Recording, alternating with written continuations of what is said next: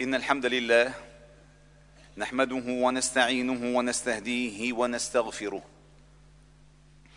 ونعوذ بالله تعالى من شرور أنفسنا وسيئات أعمالنا من يهديه الله فهو المهتد ومن يضلل فلن تجد له وليا مرشدا ومن لم يجعل الله له نورا فما له من نور واشهد ان لا اله الا الله وحده لا شريك له خالق كل شيء وهو على كل شيء وكيل وهو الله الحي القيوم الذي لا تاخذه سنه ولا نوم وهو العلي العظيم واشهد ان محمدا عبد الله ورسوله وصفيه من خلقه وخليله بلغ الرساله وادى الامانه ونصح الامه وعبد الله حتى اتاه اليقين صلوات ربنا وتسليماته عليه وعلى اله الاطهار وصحابته الاخيار ومن تبعهم باحسان الى يوم الدين يقول ربكم جل جلاله يا ايها الذين امنوا اتقوا الله حق تقاته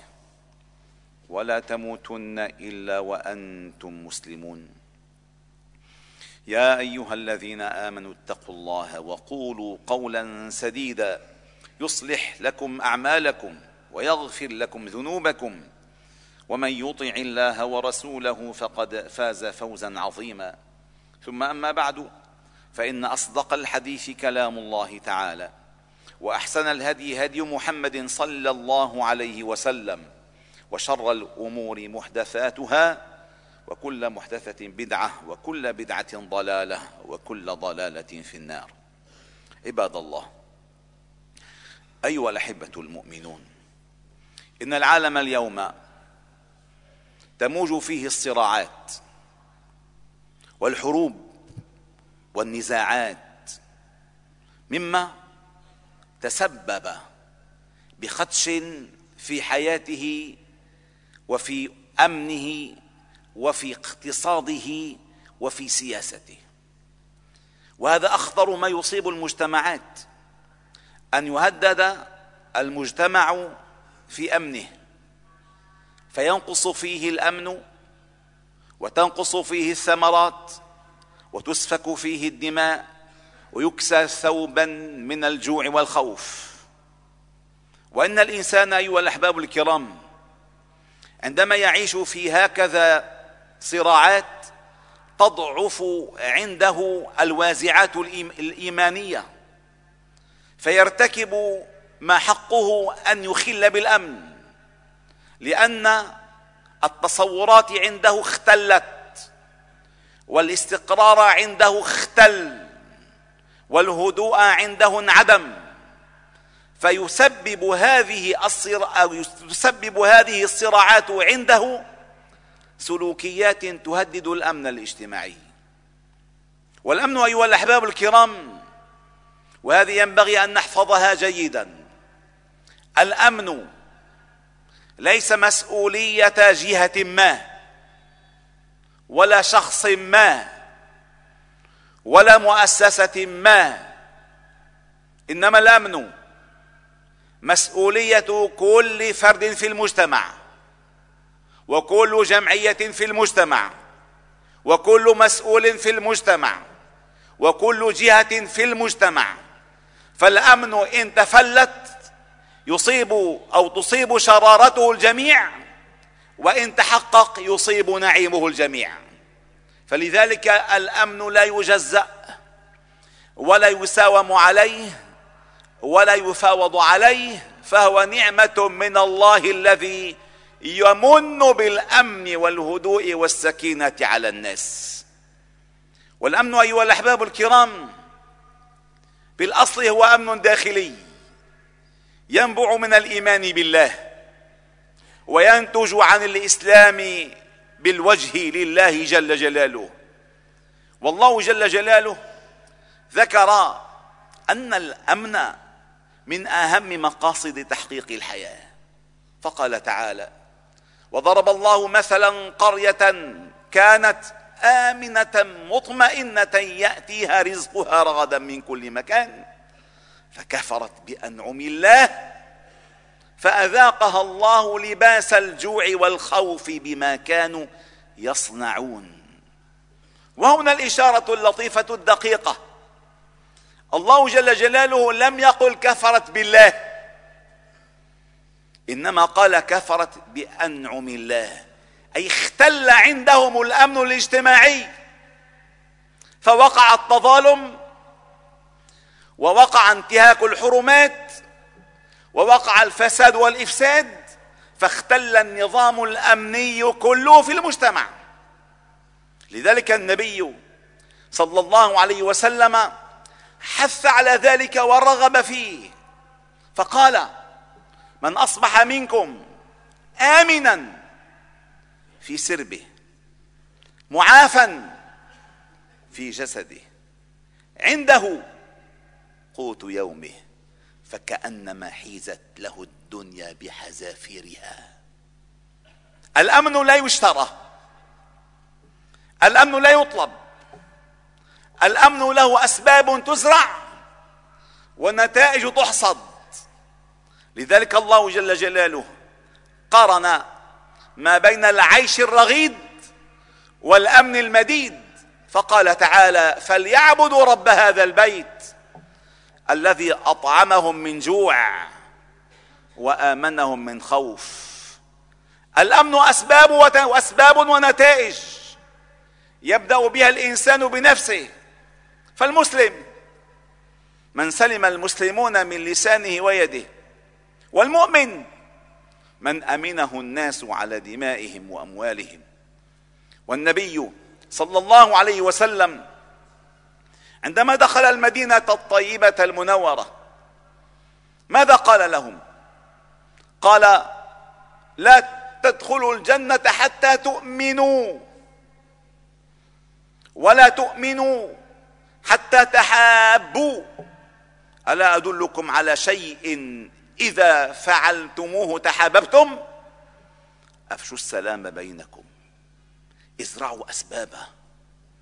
فتشوا عن مواطنه فان المسلم ايها الاحباب الكرام عندما يعيش ويامن ممن حوله تنتج عنده الكفاءات والقدرات والطاقات أما عندما يعيش في مجتمع لا استقرار فيه ولا هدوء فيه ولا أمن فيه فإنه يفتش عن أمن ذاتي لن يعطيه لن يعطيه أمنا ولن يوفر له استقرارا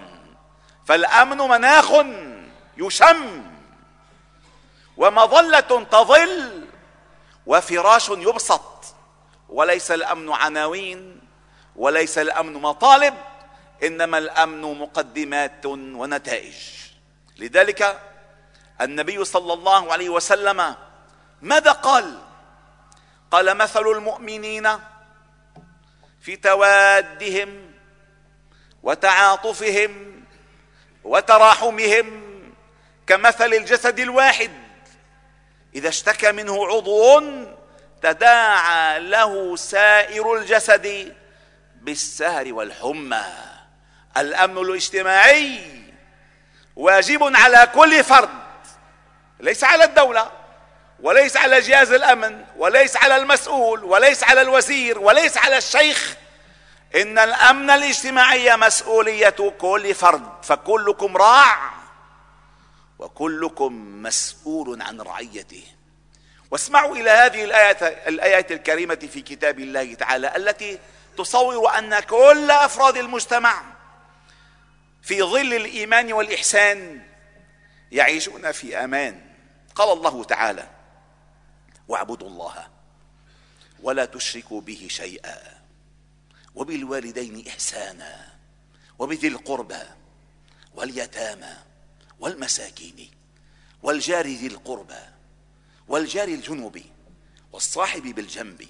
وابن السبيل وما ملكت ايمانكم إن الله لا يحب من كان مختالا فخورا اسمعوا بهدوء هذه الآية الله جل جلاله حدد فيها جهات عشرة ينبغي أن يعامل الإنسان فيها هذه الجهات بالإحسان والحقوق والواجبات أولها الله جل جلاله وحقه علينا أن نعبده ولا نشرك ولا نشرك به شيئا واعبدوا الله ولا تشركوا به شيئا ثم ننزل إلى المجتمع الوالدين إحسانا ويمتد الإحسان من الوالدين إلى الأقرباء إلى اليتامى إلى المساكين إلى الجار ذي القربى أي القرابة فيه رحم والجار الجنب أي الجار الذي ليس بينك وبينك وبينه قرابة والصاحب بالجنب صديق العمل صديق السفر الزوجة وما سوى ذلك وابن السبيل المنقطع عن أهله وعن بلده وما ملكت ايمانكم مما مسؤوليتكم انتم عليه من الخدم والموظفين والمرء الى اخره كل هذه الاصناف ينبغي ان تعاملهم بالاحسان كل هذه الاصناف تصوروا مجتمع الله يطالب الناس كل الناس ان يعاملوا كل الناس بالاحسان كم يعيش هذا المجتمع في امان ليس هذا فحسب بل الامن ينبغي ان يشعر به غير المسلم في المجتمع والنبي صلى الله عليه وسلم يقول في الحديث من اذى معاهدا اي من غير المسلمين او انتقص منه او ظلمه او اخذ منه شيئا بغير طيب نفس فانا خصمه يوم القيامه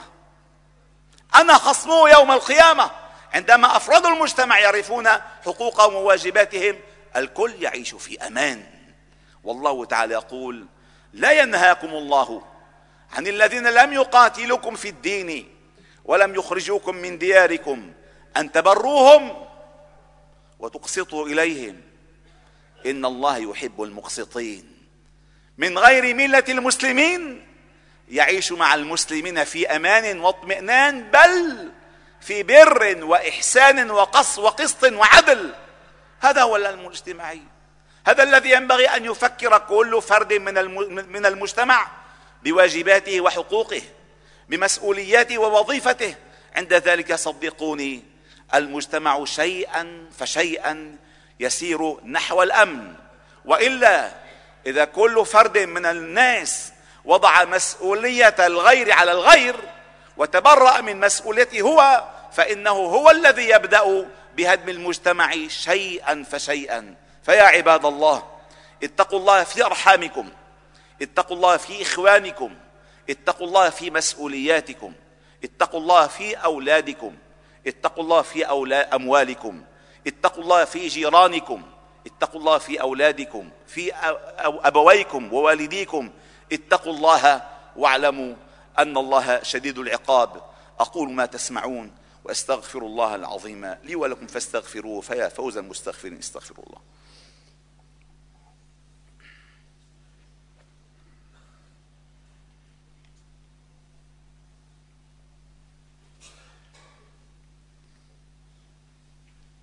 الحمد لله وكفى وسلام على عباده الذين اصطفى واشهد ان لا اله الا الله وحده نصر عبده وصدق وعده واعز جنده وهزم الاحزاب وحده لا شيء قبله ولا شيء بعده ولا نعبد الا اياه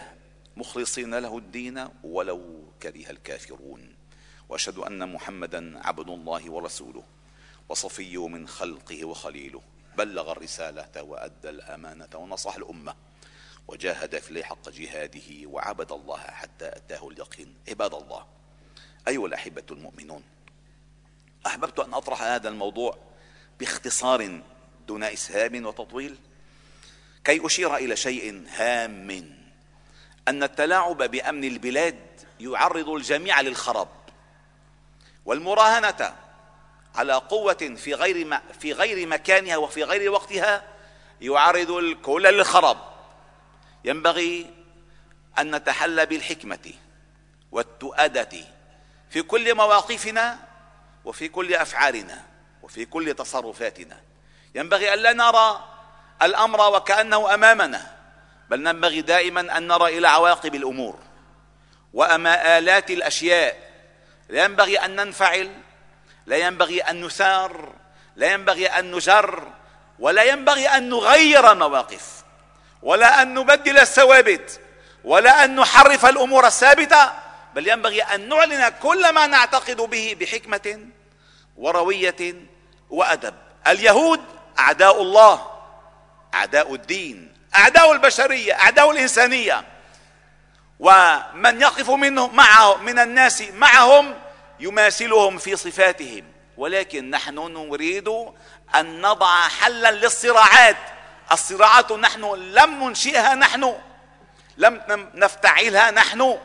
انما هي تقع علينا والان في غزه مليارين من البشر لم يستطيعوا ان يفعلوا لشيء من مليونين من البشر اليس هذا عجز اليس هذا تواطؤ اذا ما الذي نفعله حصنوا حصنوا مكانتكم الداخليه حصنوا مجتمعاتكم حصنوا حصنوا أسركم حافظوا على مكتسباتكم لا تراهنوا على الأمن ولا تغفلوا أن الله تعالى لا يغفل عما يعمله الظالمون إنما يؤخرهم ليوم تشخص فيه الأبصار لا يعني خوفكم من الحرب أن تغيروا المواقف ولكن لا تغامروا بالأمن ولا بالبلاد ولا بالعباد لا طمعا في مفاوضات ولا طمعا في ثروات ولا طمعا في مناصب انما اتقوا الله تعالى في كل شيء عباد الله ان الله وملائكته يصلون على النبي يا ايها الذين امنوا صلوا عليه وسلموا تسليما اللهم صل على محمد وعلى آل محمد كما صليت على إبراهيم وعلى آل إبراهيم وبارك على محمد وعلى آل محمد كما باركت على إبراهيم وعلى آل إبراهيم في العالمين إنك حميد مجيد وارض اللهم عن الخلفاء الراشدين والصحابة والتابعين ومن تبعهم بإحسان إلى يوم الدين وعنا معهم برحمتك يا أرحم الراحمين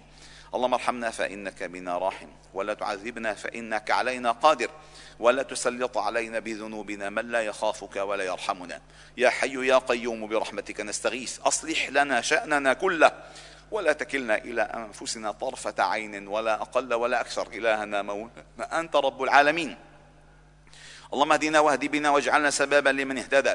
اجعل اللهم هداة مهتدين غير ضالين ولا مضلين سلما لاوليائك وحربا على اعدائك نحب بحبك من احبك ونعادي بعداوتك من خالف امرك اللهم دي شبابنا اللهم هدي رجالنا اللهم دي نساءنا اللهم دي شاباتنا اللهم دي أبنائنا وبناتنا اللهم دي إخواننا وأخواتنا اللهم دي أمهاتنا وآباءنا ربنا ارحمهما كما ربيانا صغارا اللهم اهد علماءنا لقول الحق واهد ولاة أمورنا للحكم بالحق واهدنا بهداك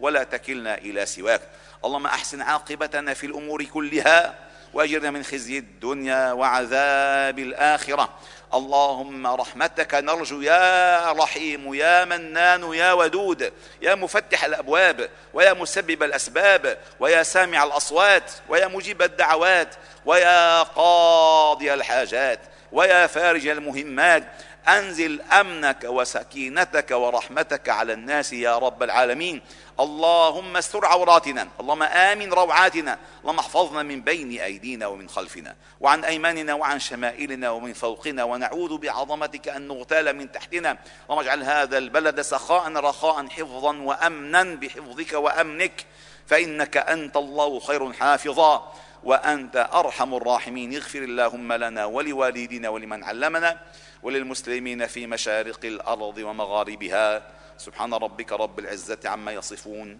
وسلام على المرسلين والحمد لله رب العالمين